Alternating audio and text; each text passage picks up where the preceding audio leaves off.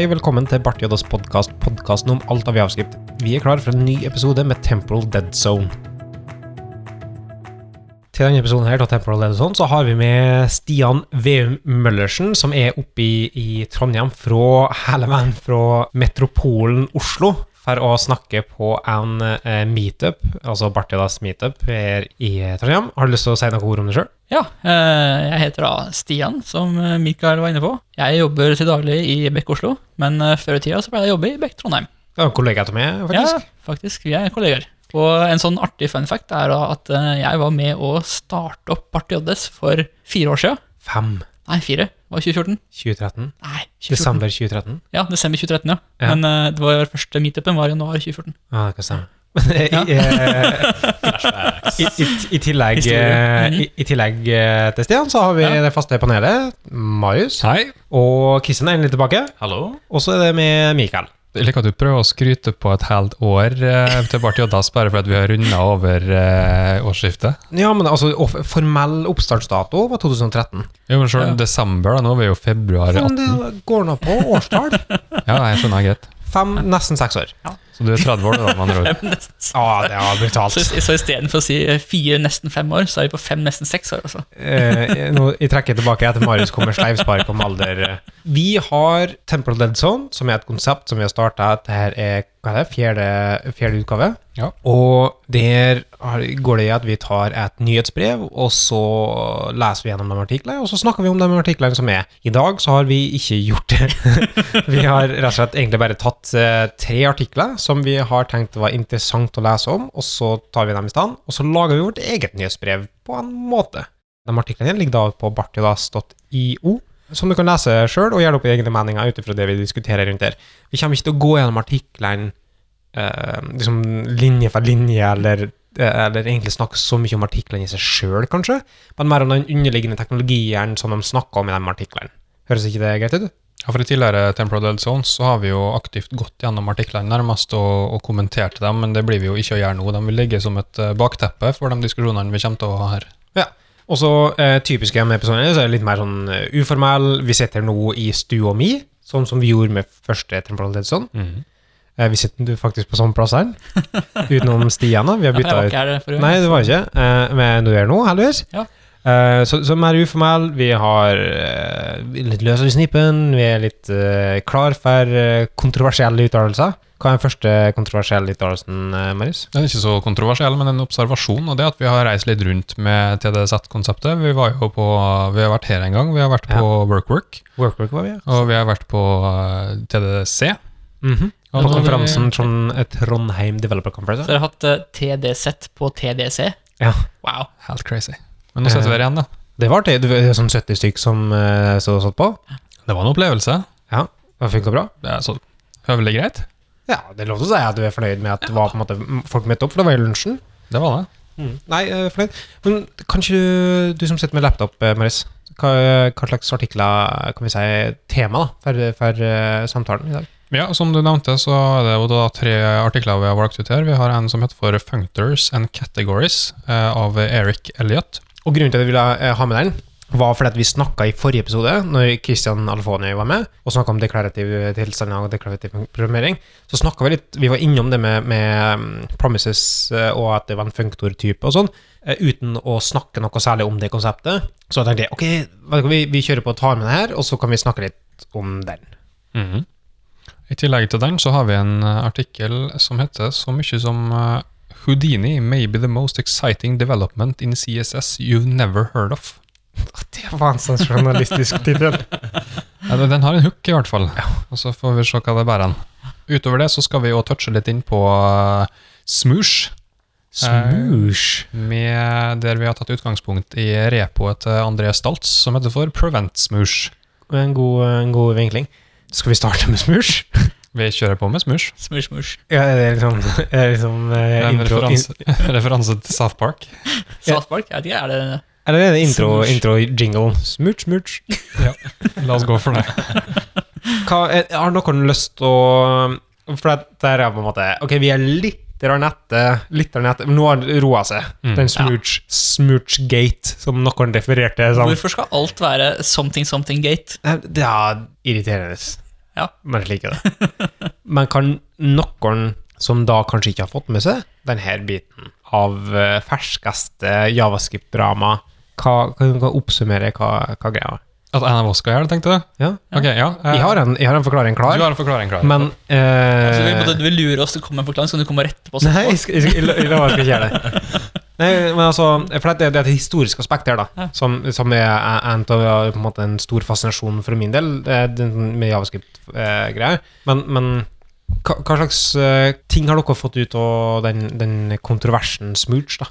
Det så, Tolka fra mitt eh, ståsted, sånn som jeg har fått det med meg, så er det slik at eh, TC39, standardiseringskomiteen for javascript, sitter og skal dra inn eh, fletten og flatmap. Og så er det da allerede reserverte eh, ord skulle du si, på prototypen til, til Array, og derfor så valgte de da smoosh og smooshmap. Det er de foreløpige forslagene til det som da skal brukes. Og det har da fått verden til å bryte ut i harnisk.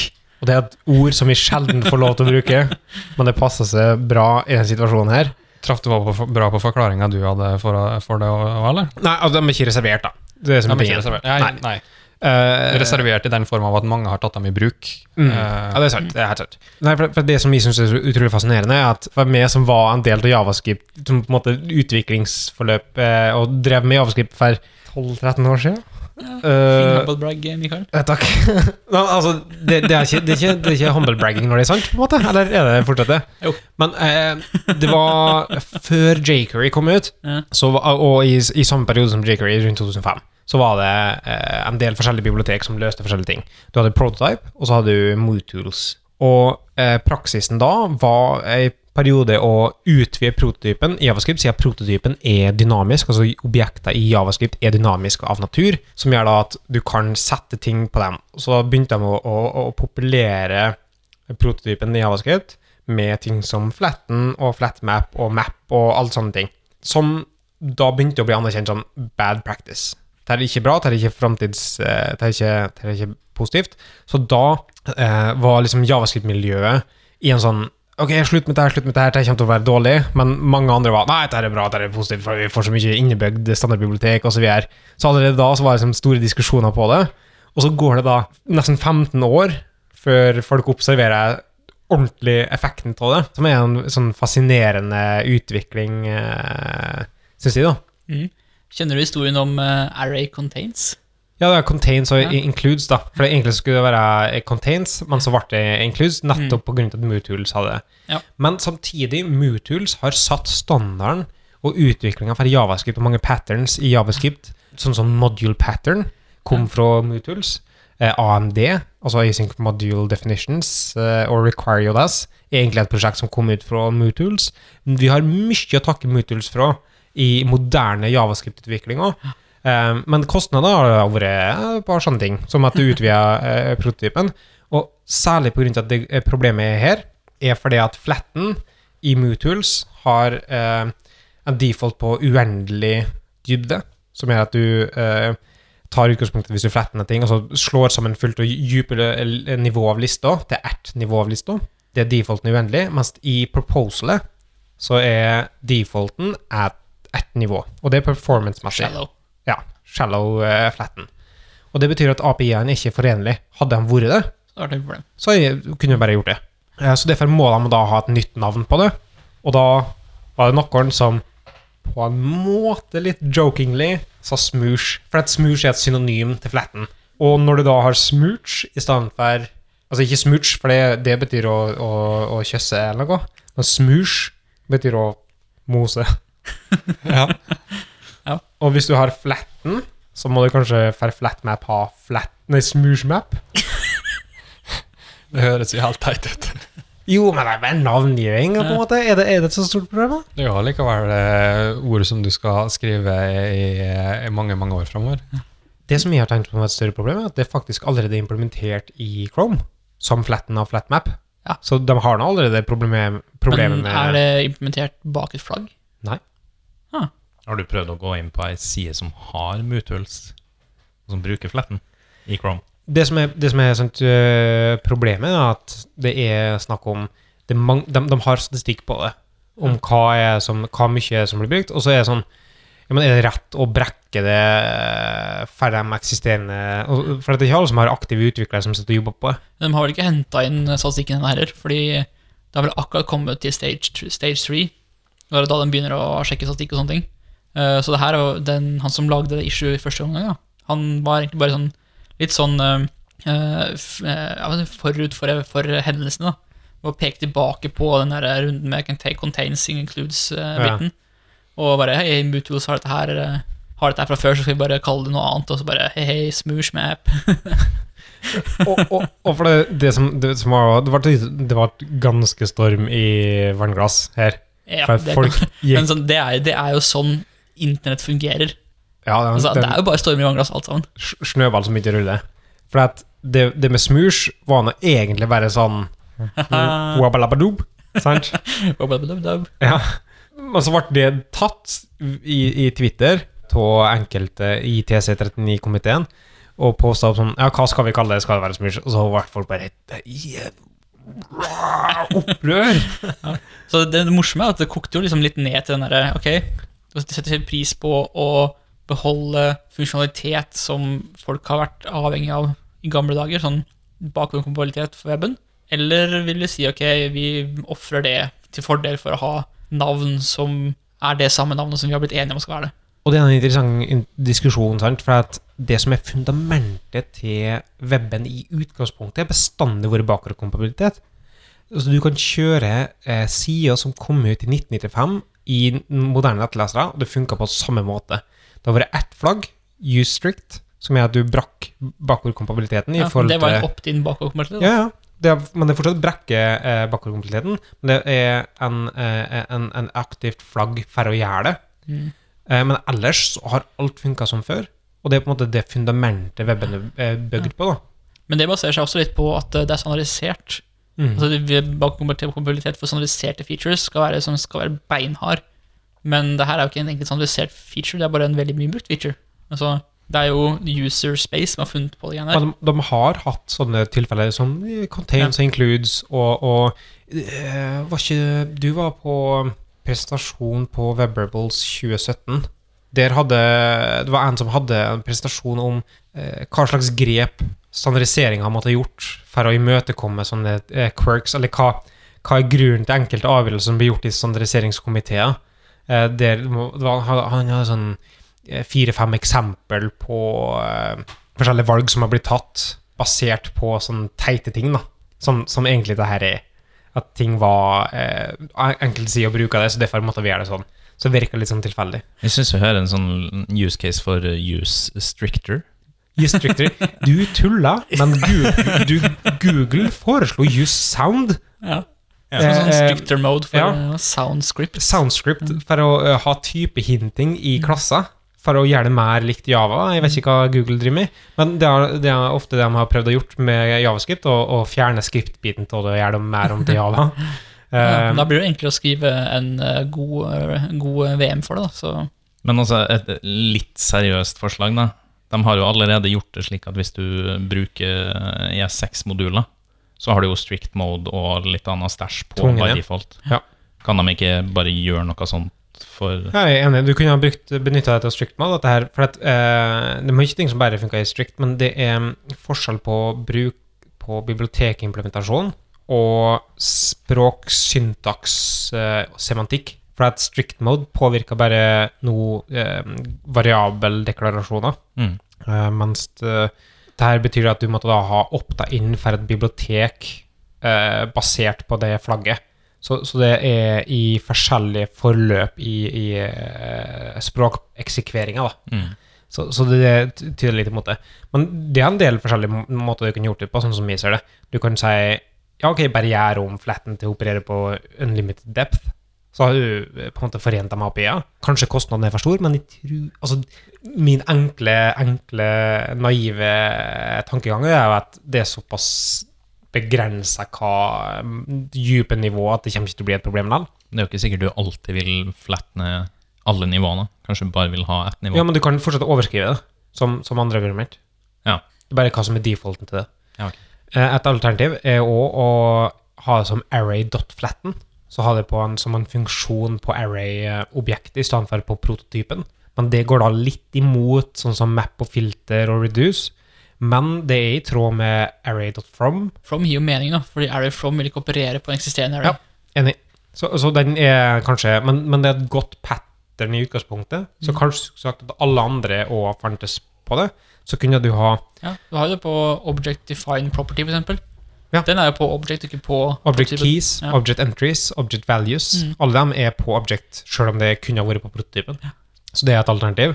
Altså kan du kalle det noe. Det å, å kalle det smoosh, eller kalle det eh, squash, Compact. eller kalle det compact, det Ja. er ikke så farlig. Men jeg tenker egentlig at det fragmenterer forståelsen av hva ting gjør, da. For at flatmap er et kjent begrep på tvers av flere språk.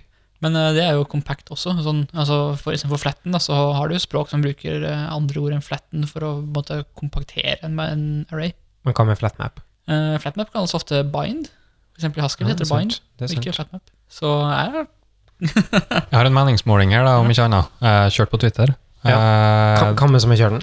Det er en som heter Brian Turlson. Han er med i TC39. Han er det, ja. Den originale meningsmålingen som vi snakka om i stad. Og det er det, ja. Ja. Spennende. ja, For der er det 3090 stykk som har stemt, og vi Ja. vet jo alle at alt over 1000 er en representativ mengde Ikke mennesker. 1200? Er det blitt økt? Nei, jeg, jeg, jeg trodde det var 1200. Jeg, jeg okay. trodde det var 1000, men Ja, det du er har sikkert rett. Du har sikkert rett. Og der er det da 20% som mener at vi burde Eller ikke vi, for vi er ikke en del av TC39, men vi kan late som.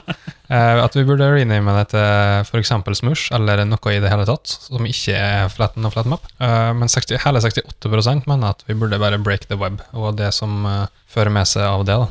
Det syns jeg, jeg synes er veldig artig eh, at eh, det er så mange som stemmer for bare break the web, når TC39 foreslo å endre på class-syntaksen, Ja. og det kom ramaskrik for at de endra på en feature som ikke var standardisert ennå, som folk har begynt å bruke. Det er akkurat samme casen. Bare, what? Hvorfor er det så så forskjellige meninger? da? Forutsatt at det er konsekvens Eller det forutsatt at det er samme personene som uttaler seg, da. Det er jo gjerne det, da. Ja, ikke bestandig. Det kan være noe som engasjerer mer enn andre. Men eh, er det, er det korttenkt å break the web? Så det er jo sånn eh, De som da måtte, for ti, mm, åtte-ni år siden da, betalte dyre dommer for å få laga en webside så De er en sånn mom and pop-shop som har eh, sånn, De har en pizzabule, liksom. Så har de betalt masse penger for å få en side, så ja, nei, eh, nå bestemmer vi at eh, den sida ikke skal fungere, fungere lenger. Hvor lenge, hvor lenge skal en holde på med det? Men man må jo ta, bare ta statistikk til bruk. Da. Altså, Mm. Google og disse store browser-folka De må jo bare lese av hvor mange er det som faktisk bruker eh, legger på den prototypen. da. Vi vet jo egentlig ikke, vi har ikke fått statistikk fra noen av leserne ennå hvor mye det her er, hvor utbredt det er. Og hvis det på en måte er la, så lavt at det ikke er noe vits lenger, da, Ja. så kan vi jo bare fortsette med det. Så det er jo litt sånn preemptiv storm i vannglass. Nå skal vi, nå skal vi gjerne gardere. Okay. Nå skal vi ha en stemmerunde. Ok. Kam, og da må vi stemme med stemmen vår, ikke rekke opp hånda, for det ser ikke dem som hører på det her. Ja, jeg skal prøve å huske på det. Ja. Kam er ferd å rename det til smoosh eller tilsvarende. Jeg er for å rename det smoosh, eller noe annet. Kam er ferd break the web. Skal vi snakke munnen på hverandre, Kristian? Jeg er litt på break the web, altså. Altså, jeg har et lite spørsmål der, da, og det er jo antakeligvis en gigantisk digresjon. Men Så la oss, la oss holde det kort. Eh, men hva langt, hva lang tid kan man forvente at en webløsning eh, på en måte fungerer i dag? Når kan den byttes ut? Det er på en måte akkurat Ja. det samme spørsmålet som vi stilte Stian for to minutter siden. Ja, da var jeg helt sikkert en helt annen plass i hodet mitt. Nei, det Stian sa, du, du kan si igjen? Ja, altså det, mm, det kommer egentlig, egentlig så kommer det an på hvor eh, utbredt en ting er. Altså Hvis, eh, hvis f.eks. jQuery hadde definert array.flatten på prototypen Terry, så hadde vi jo aldri i verden gjort det, fordi jQuery er brukt av hele internett. Mm. Altså Vi har jo egentlig bare en antakelse om at Mootools sin flatten er så, så utbredt brukt at vi ikke, at vi ikke kan gjøre det her. Problemet er at vi er en, vi er en boble, da. Mm. Det vi ser bare på den nyeste utviklinga. Vi driver med bare den absolutt nyeste utviklinga. Og, og, og TC39 gjør det, og folk som følger TC, de som er interessert nok til å drive og følge med på hva TC39 gjør, de er nå med i toppen av utviklinga. Så det er sånn vanskelig å se for seg hva det de eksisterende andre folka utafor den sirkelen eh, Hva slags perspektiv de har. Ja.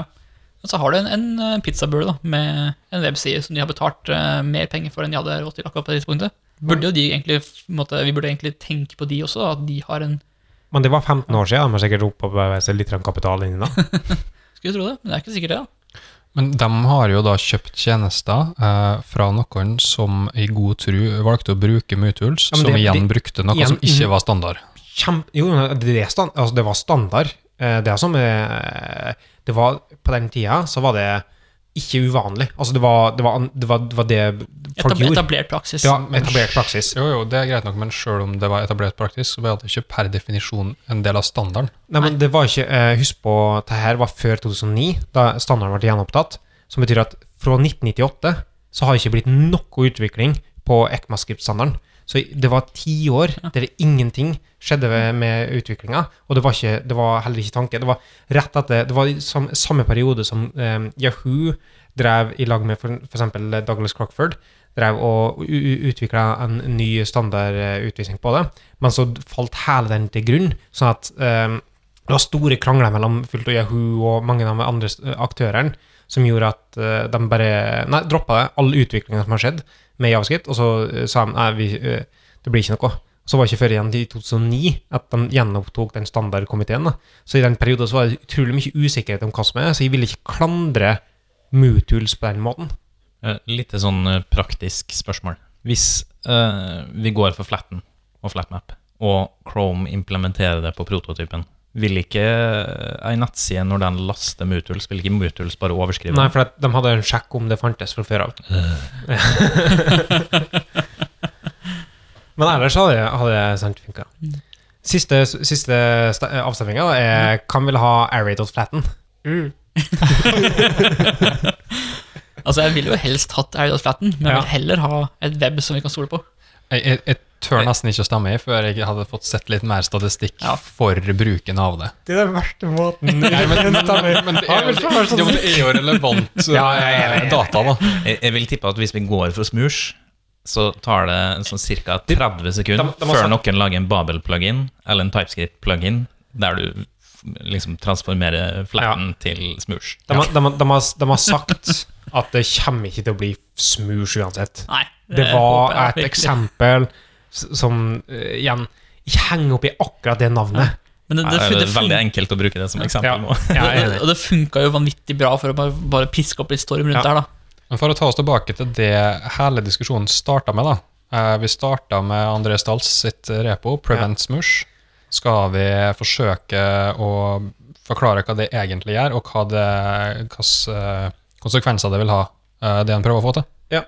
Det, det han prøvde på, var å, å, å lage et populært repo, eller populær kode, og dra inn i kodebasen, som eh, fungerte på en annen måte enn det Smoosh kommer til. Så i stedet for å være en flatten, så tar det første lista, eller første element i en liste, og, og uh, henter ut det. Så det er egentlig mer enn first, og den invokerer det hvis det er en flatmap, så invokerer den det på første elementet, som gjør at det ikke kommer til å fungere på samme måte som Smoosh og Smoosh Map vil gjøre. Men er ikke da, da utelukkende en preventing Jo. for smoosh, og ikke noe annet? nei, det er akkurat det som er poenget. De henger seg så galt opp i at Smoosh er et så dårlig navn at her skal vi prøve å hindre det. Det, det er som eh, fillebusting, er ikke det det heter? Jo, filibusting, ja. Ja.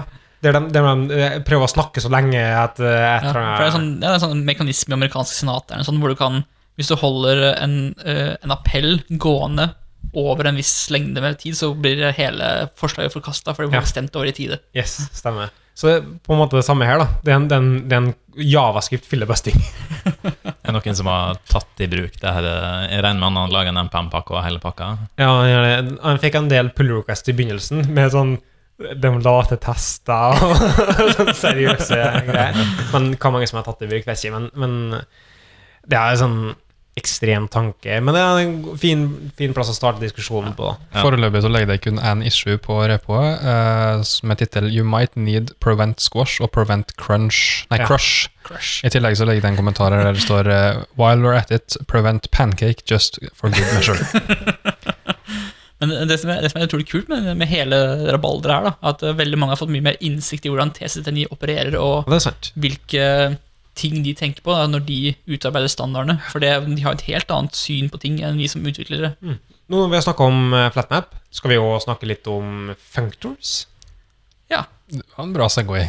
Ja, for, ja, det med, det med eh, functorer og termer, sånn fagspesifikke termer, eller egentlig akademisk spesifikke termer, jeg mener det kan være utrolig fremmedgjørende. Men samtidig, når du lærer deg å bruke dem, så er det så enkelt å ty til å si dem sjøl. Men er ikke det som en del av det å, å opparbeide seg et begrepsapparat da, rundt, uh, rundt et konsept som ikke er helt naturlig? da? Du har jo det samme også rundt eh, programmering sånn til vanlig også. En, en forløkke, altså what, liksom. Ja, Hadde det ikke vært for at vi lærte det først, så hadde vi på en måte, så hadde har vært like, like unaturlig. da. jeg, jeg føler det lyser gjennom at Stian ikke har hørt forrige episode. Jeg har, faktisk, jeg har faktisk hørt forrige episode. Ja, ok, ja. Men jeg syns bare at det poenget er ganske bra. da. Eh, Takk. For det var, det var Mikael sitt poeng til meg, nemlig da jeg eh, prøvde meg på det der sist. Ja, men jeg syns funktor er et veldig vanskelig ord. Ja. Ja. Og i, i artikkelen så står det jo at du kan tenke på det der som mappable. Mhm. Og det ringer masse større bjeller hos meg enn eh, Ja. en functors. Men hvem er det som har skrevet artikkelen? da? Eric Elliot. Det er han eh, som har uttalt seg masse om sånn programmeringsgreier. På lik linje med han eh, Kyle Simpson. Mm. Han, han driver sånn javascript-skole og sånne ting, han da, Ja. eh, og, og lever, lever til det, ja. Eh, han har, i kontrast med eksempel Kyle Simpson, han som skrev You Know JavaScript-bøker, som er for så vidt ganske gode bøker, men uh, i kontrast til Kyle Simpson, så er han kanskje mer, har vært mer liksom, på den der composition-bølga. Og så er han utrolig Han har en, en person som er samboeren hans, som heter JS Cheerleader på Twitter, som jobber utelukkende på Twitter med å promotere hans arbeid. Hun er det som kalles en javascript-agent. Eh, som, en sånn som, manager, liksom. ja, det er manager for, for han som, som utvikler. Og hun utlyser den stillinga. Altså, eh, eh, prøver å få tak i flere jobber da, for å bli manageren, agenten til andre utviklere. For å, få det til. Så hun driver og liksom sånn, eh, tar bilde av når han sitter og koder, og poster Yay! Uh, Eric Men- Elliot, what's it up to? Men det er jo veldig appropriate at, at hun da heter JS Cheerleader på Twitter. For, for jeg tror ikke hun heter det på ekte. Nei, Men jeg det, tror det, det jeg regner tror jeg det er nicknamet hans på, på Twitter. For det er som, Hvor mange er det som har som et handle på Twitter som er det samme som navnet sitt? Jeg har det. Mikael, og jeg har, jeg har både brukernavnet mitt, som er Mikael Brevik, og navnet mitt, som er Mikael Brevik. Okay. Nei, eh, han, er en, han, han han har en stor, stor stor evne til å promotere seg sjøl, og det rubs someone the wrong way, da. Men, Men er det så gærent, egentlig? Sånn- men av og til har han en utrolig fin artikler. Men han kan være sånn alienerende, eh, Alienerende, eh, fremmedgjørende Fremmedgjørende, takk skal du ha. i, i språket sitt. Syns folk han er det her? Jeg, vet vi ikke snakka om artikkelen i seg sjøl, men, men hva, dere som ikke har et så stort forhold til termen funktor Kristian Christian og Marius, dere har ikke det. Men, men blander vi ikke egentlig litt nå? Nå blander vi på en måte personen som har skrevet artikkelen, og begrepene han bruker i artikkelen. Altså, Men eh, absolutt. Har, Så- ja, vi har jo vært kjapt innom han som har skrevet det, og det er jo tilnærmet irrelevant til, til innholdet i seg sjøl, egentlig. Men Ja. det kan jo være greit å være innom det allikevel. Men uh, du har helt rett. Uh, jeg har ikke et stort forhold til functors. Uh, og spørsmålet mitt, spoiler alert, etter at vi har hatt diskusjon om hva det egentlig går ut på, Ja. vil være hvorfor trenger det? Så bare for, forbered dere på det. Eller hvorfor trenger jeg å ha et forhold til det? Ok, nå, da. Eh, Men la meg først svare på det du spurte om, da.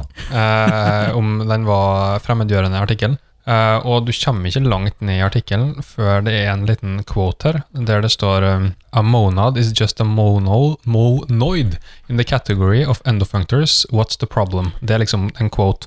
Ja.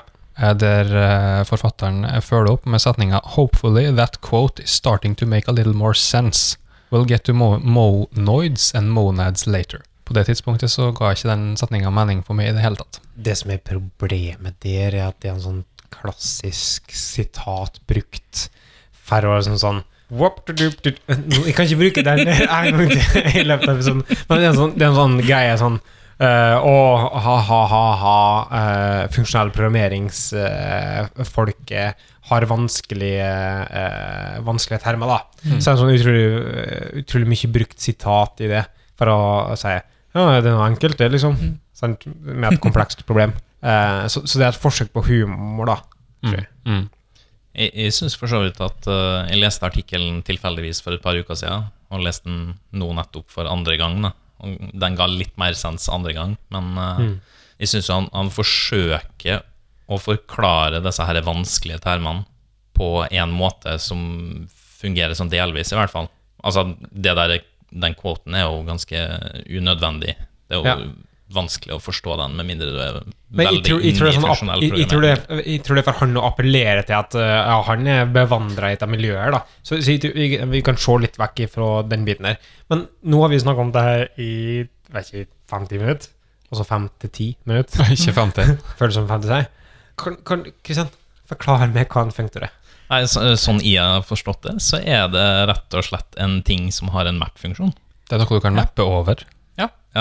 Ja. Ja. Mm. Det er jo egentlig akkurat det en functor er. Altså det er eh, du kan sammenligne nesten med en interface da, i Java eller C-sharp. Du har, eh, du- Her har du en Hvis en ting, eh, en eller annen ting tilhører kategorien av functors, så har du en kontrakt Eller hvis med- noe implementerer en Ja.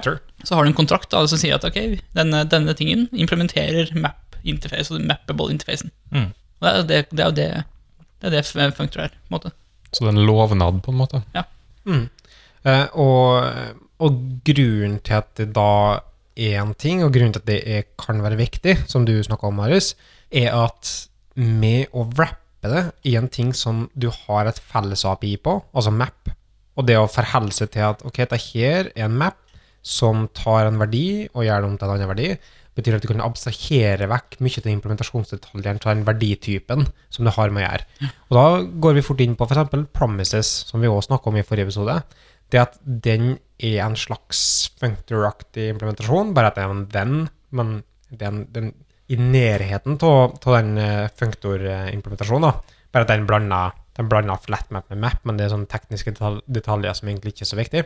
Men det at den er en slags type functor, betyr at du abstraherer vekk tid til den. For at i stedet for å behandle det som skalarverdier, men å ha det wrappa i en functor, så trenger du ikke å tenke på tid. Tida er vekke fra konseptet. For du bare sier ok, jeg har en verdi, transformerer den til en ny verdi. Ingenting med tid å gjøre. Og du kan ta en promise og ta en annen promise og si at når de to er klar, map det resultatet igjen til en nytt resultat. Har ingenting med at den og den andre promisen kommer på helt forskjellige tidspunkt. Du tenker ikke på det i hele tatt. Og det er et sånn ganske, ganske kraftig konsept. Mm. Det er en enkel, enkel eh, byggekloss, men åpner for utrolig avanserte mønster. Og så er det også en, en, en ting her med eh, det å kunne komponere ting, å kunne skru ting sammen. Når du har et felles interface som f.eks. map, da, at du- at de ting er mappables. Hvis du vet at en, en ting eh, blir gjort om en annen, en annen mappable, så kan du alltid fortsette å mappe. Og det gjør at du kan måte, skru ting sammen, og du vet noe om interfacen mellom de to tinga. Det er ganske, det er ganske kraftig, i hvert fall hvis du har i en sånn funksjonell programmeringssetting hvor det er så viktig å kunne komponere funksjoner, og vite at det er functors du opererer på, så du alltid kunne mappe ting. Så hvis jeg forstår det riktig, da, så handler det ikke nødvendigvis om å lære seg noe nytt. Det handler mer om at det er noe vi allerede har et forhold til, men det handler mer om å identifisere det og klassifisere det som en functor, og da være klar over hva det på en måte er i stand til å, å gjøre. Det handler om å skape et felles repertoar. Og og det som er med sånne ord, da, det er at det kan virke fremmedgjørende for folk som ikke kjenner, det, men for folk som du snakker med som kjenner, det, når du da beskriver det til noen, så kan du tillate deg å være konsis. Du tillater deg å være nøyaktig i uttalelsen. Ja. Så for folk som ikke er kjent med, fremmedgjørende. For folk som er kjent med det, konsist. Ja. Og det, her, det her er jo forskjellen på ting som er vanskelig, og ting som er komplekse. Det her er jo ikke en kompleks, en kompleks ting. Med en gang du kjenner definisjonen på det, så, er, så har du måte forstått poenget. Så det her er en ting som er vanskelig, for det er langt unna i forståelsen din. Det det er ikke noe du har lagra i langtidsminnet Det er som, du må hele tida tenke som uh, functor, det var det, det og det, som holder på sånn, helt til du, helt til du forstår, helt til du har internalisert betydningen av det. da. Og det her stammer jo fra matte, matteverden, abstrakt matte, som har eksistert ganske mye lenger enn en programmering har. Og er det vi prøvde å snakke om i forrige episode òg, det at eh, det med forholdet til hva du lærer først, eller hva du, repertoar du har å ta utgangspunkt i, gjør at det påvirker hva som føles ut som det er vanskeligere. Men, men det, det er som, som Stian sier, liksom kompleks eller vanskelig. Og da på andre, andre, andre enden som lett, lett og enkelt, liksom det samme. Ja, eh, Som ikke gir så mye mening på norsk, da. Eh, Ja, men- simple, men- easy ja, på engelsk, da. Rich Hickey har den, den klassiske presentasjonen Simple versus Easy, som anbefales å se. Ja, Den definitivt. får du fin eh, Har du sett den, Marius? Så jeg den faktisk i forrige uke. Ja. bare Ja. andre gang. Ja, jeg Ja. syns den er flott. Kristian? Jeg så den i forrige uke, ja. Jeg og Kristian så den sammen. Så dere den på jobb, eller? Ja, det gjorde vi. Mm. Ja. Har dere sett uh, Hammock Driven Development? Nope. Nei, da er det neste. Ja, den er, eh, den er fin. Rechicker, da. Ja. Han er den som laga Closure, sant? Uh, som er en folie, Smart fyr. Uh, smart fyr, og, og det er et funksjonelt språk. Men ikke funksjonelt språk som nødvendigvis har de buggerkostene som, som Haskell og FMAP og, og Functor og sånne ting, da. Men ja. Ikke, så for det artig tema å snakke om. Ikke så, men oppklarende diskusjon, egentlig. Og det er artig å programmere med det, er det. Altså det å tenke på den måten å bugge opp ting. Eh, jeg vet ikke hvorfor du smiler. Jeg liker måten du bekrefter din egen setning med å avslutte med 'er det'. Det der er en sånn klassisk sånn Trondheim-ting, vet du. Ja. Nå har du blitt trønder. Det er artig å programmere Sant, med det. Er det. Åh, Ti Sjø. år. Ti år tok det. Ja. Hva med Houdini? Det er noe som har poppa opp på feeden min i Altså da snakker jeg om eh, eh, Twitter-feeden, og ikke Burnley-feeden eller Feedly-feeden. Eller, Facebook-feeden. Eller Facebook-feeden, for så vidt. Men det har begynt å poppe opp mer og mer nå i det siste. Men det er ikke noe som er utelukkende nytt. Egentlig, da, det har eksistert en stund, men jeg har bare Og nå, nå når vi har um, så, så, så det gjorde at jeg så det, og så tenkte jeg ok, vi vi burde snakke om det her. Og så begynte jeg å lese om det, og tenkte jeg hva er det her for noe slags greier? Hva slags, det her? Hva slags magi er det her? Houdini. Houdini. Uh, Hei, hei, hei, hei. så For det er utrolig!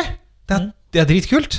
Nei, det er ganske stilig, det greiene her. Altså, det, det åpner egentlig hele sånn tegnepipelinen da, til browseren for å hooke deg inn med javascript-kode.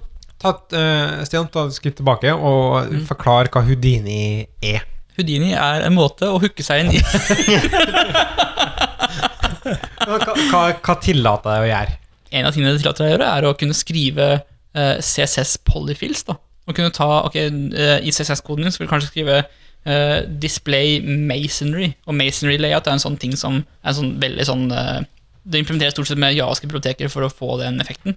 Men tenk at du kunne bare skrive display masonry i CSS, som om du skulle skrevet display flex. Og at det da måten masonry er implementert, da, er gjennom en sånn hook i de javascript, sånn at du bare sier ok, instruerer browseren om at ok, når den får display masonry, så kan den gjøre det her. Det er kjempekult. Skal vi trekke det et, en, på et enda høyere nivå og Ja. forklare problemet vi faktisk Ja. har? Ja, det. Eh, og det er jo at ting skjer ekstremt kjapt i javascript-verden, eh, mens eh, ting foregår sneglende sakte eh, i CSS. Eh, og det Og er jo fordi at det tar uh, tilsynelatende veldig lang tid å få standardisert ting. Tar, ja, det tar lang tid å standardisere, men det tar også ting for å propagere ut i nettlesere. Mens i, i eh, Javascript så kan du bare polyfille det i et dynamisk språk. Sant? Mm. Og det Så kan kan, du du kan til og med attache noe til prototypen i javascript. Hey, hey, Den, hei, den god idé. Den god idé. Fordelen er jo at du kan uh, polyfille uh, funksjonalitet i dem, mm. som, sånn at du får det i de forskjellige browserne for javascript. Uh, men sånn som jeg har prøvd å satt meg litt inn i standardiseringsprosessen til V3C i det siste, og de trenger bl.a. to fungerende implementasjoner i to forskjellige browsere for at de i det hele tatt skal vurdere og sende det til en recommended uh, proposition. Mm. Proposal. Proposal, proposition, ja. Ja, samme greia. Samme greia. Ja. Eh, og det gjør jo Det krever jo at browserne investerer utviklertid eh, da, for, å, for i det hele tatt få ballen til å rulle. Og det skal jo da Houdini være med å, å løse. Mm. Som da beveger oss videre tilbake til Stian. Eh, ja, og så er det også det at uh, hver gang det kommer en ny feature i CSS, f.eks. Flexbox eller Grid, så er det sånn, ok, veldig mange uh, vil da bli møtt med den tingen, ok, jeg kan ikke bruke dette her fordi jeg må støtte Browser X, som ikke har det her implementert. Det gjør jo at uh, adopsjonen av nye features går treigt, og det er bare mye friksjon man bruker og sånne ting. Så hvis du da kunne på en måte hatt Houdini tilgjengelig i disse bladene som ikke støtta nye featuren, da, bare sagt ok, da implementerer vi med javascript der. Men, men kommer det her til å bli et problem, da? For nå har vi jo Evergreen browsers som Ja. driver og oppdaterer seg sjøl. Og da forsvinner jo det blir, akkurat det det, blir, det blir mindre mindre. Altså, det Ja. går raskere og raskere. Det gjør det. Men jeg tror fortsatt det er et problem, for at uh, det er snakk om kanskje to år, da, i stedet for ti år. Men også er det også det at du kan ikke i like stor grad teste ut ting som er veldig tidlig i standardiseringsløpet. da. Ja. Som for eksempel i JavaScript, hvor du kan teste ut eh, hva heter det, sånne decorate, decorators, for eksempel, som ikke har vært i stage 3, så har vært i stage 1 og 2 evigheter. liksom. Ja. Det kan du faktisk teste ut i browseren fordi du har en transpiler som ordner greiene for deg. det er godt poeng. Mm. Men det har vi ikke. Vi har ikke noe tilsvarende for CSS. da. Så er det sånn, mm, det, det, det, det som ga et kompliment, ja, enig. Takk. Ja, altså, eh, og selv om det beveger seg fort her, så betyr det ikke at det beveger seg nødvendigvis fort nok for, Mm. for mange her, da. Og det er mange som fortsatt er avhengig av enkelte Ja. Og så er det jo dette, selvfølgelig, du kunne jo implementert mye av dette her i Ascript CCS, og du kunne interagert med CSS og layout og sånne ting i Ascript i dag også.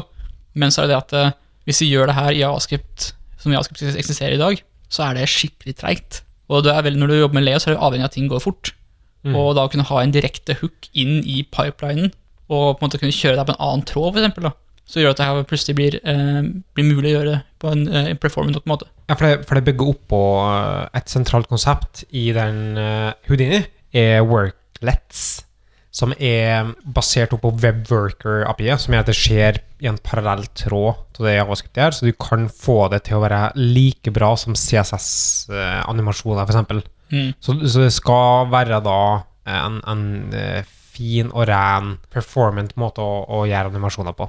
En ting som jeg har sett mye demoer til nå, er CSS Custom Properties, altså variabler i CSS, som er i, i nettlesere, men det har ikke interpolering for animasjoner ennå, når du bytter mellom ting. Ja, så hvis du eksempel har en variabel da, som er, um, er red, og så bytter du variabelen til sånn at uh, nå er den blue, Ja. Så skjer det ingen interpolering mellom de to fargene, selv om CSS i utgangspunktet støtter interpolering mellom farger. Ja, men med Houdini så kan du få til Så du Ja. kan få til gradients, som ikke nå er, er verken eh, når du legger på nye klasser heller, så kan du ikke animere mellom gradients. Eh, Det kan du få til med Houdini, sant? Mm.